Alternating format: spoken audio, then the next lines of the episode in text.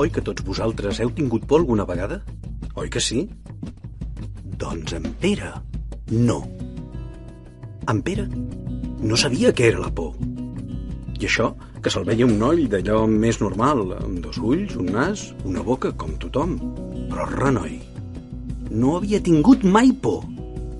Tots els seus germans, cosins i amics coneixien aquesta sensació tan estranya que surt de dins i que no es pot controlar. Però en Pere, no. No hi havia manera. En Pere no en tenia mai de por. Com que n'estava fart de no saber què era la por, un bon dia va decidir anar-la a buscar. Va dir adeu a tota la parentela, va agafar el raspall de les dents i va sortir a l'aventura disposat a trobar-se cara a cara amb la por. Mogut per la curiositat, en Pere va agafar la gran autopista que porta a tot arreu. Va travessar pobles i ciutats, valls i rius, però continuava sense saber què era la por. Comença la fantàstica història de En Pere sense por. En Pere va travessar el més gran de tots els deserts, patint calor de dia i fred de nit, passant gana i set. Però no hi havia manera. Continuava sense trobar-se amb la por. Després de caminar i caminar, en Pere va arribar al país dels Tres Reis. Era un país molt perillós, governat per tres reis que sempre estaven de mal humor.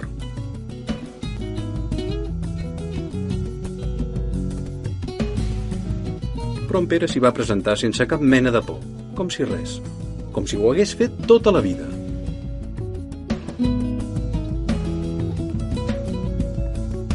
Els tres reis es van sorprendre molt quan van veure com era de decidit aquell noi, però el van convidar a anar-se'n del país, ja que en aquell moment estaven molt ocupats lliurant una gran batalla contra els tres gegants invencibles que contínuament assetjaven el regne. En Pere, però, no els va fer cas, i amagat al darrere d'una palmera, va veure com els tres gegants ferotges arribaven al camp de batalla i com lluitaven amb els tres reis, que es defensaven com podien. Pere va abandonar l'amagatall i se'n va anar davant dels tres reis esgotats. Majestats, els va dir en Pere, confieu en mi. Jo solet puc vèncer els tres gegants, us ho garanteixo. I per què ens n'hem de refiar de tu? Li van preguntar tots tres reis alhora. Perquè jo sóc en Pere sense por. Els tres reis no es van atrevir a dir ni piu.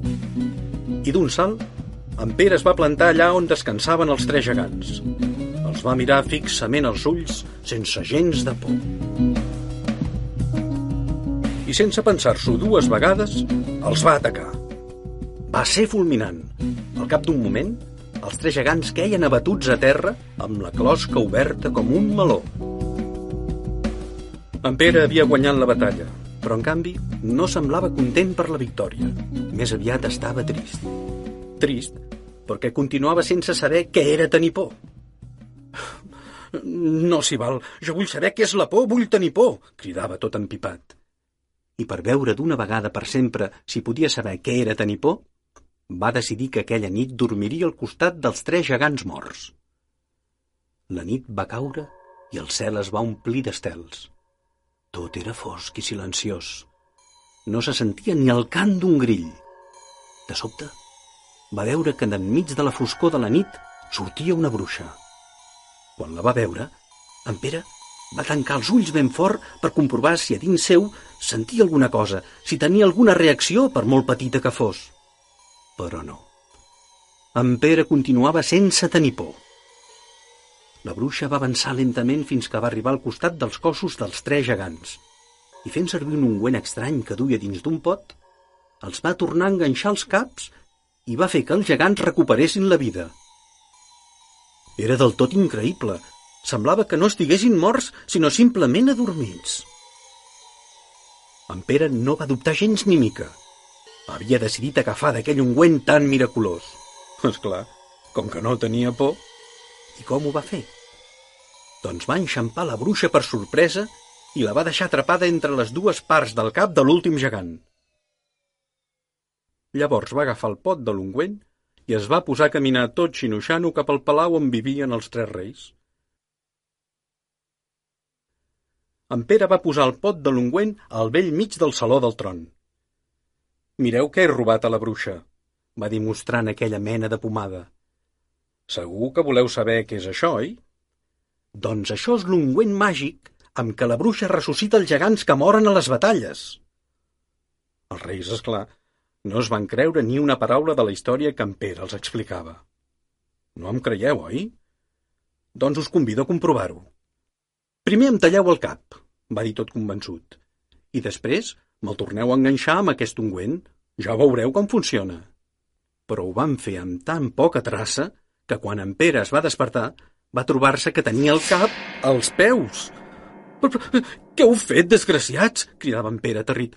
Torneu-me'l a tallar, si us plau. Us ho prego, traieu-me'l d'aquí i poseu-me'l al seu lloc. Els tres reis van reaccionar i van fer allò que en Pere demanava. Li van treure el cap dels peus i fent servir una altra vegada l'ungüent màgic, van poder tornar-lo a posar al seu lloc, sobre les espatlles, descansant damunt del coll.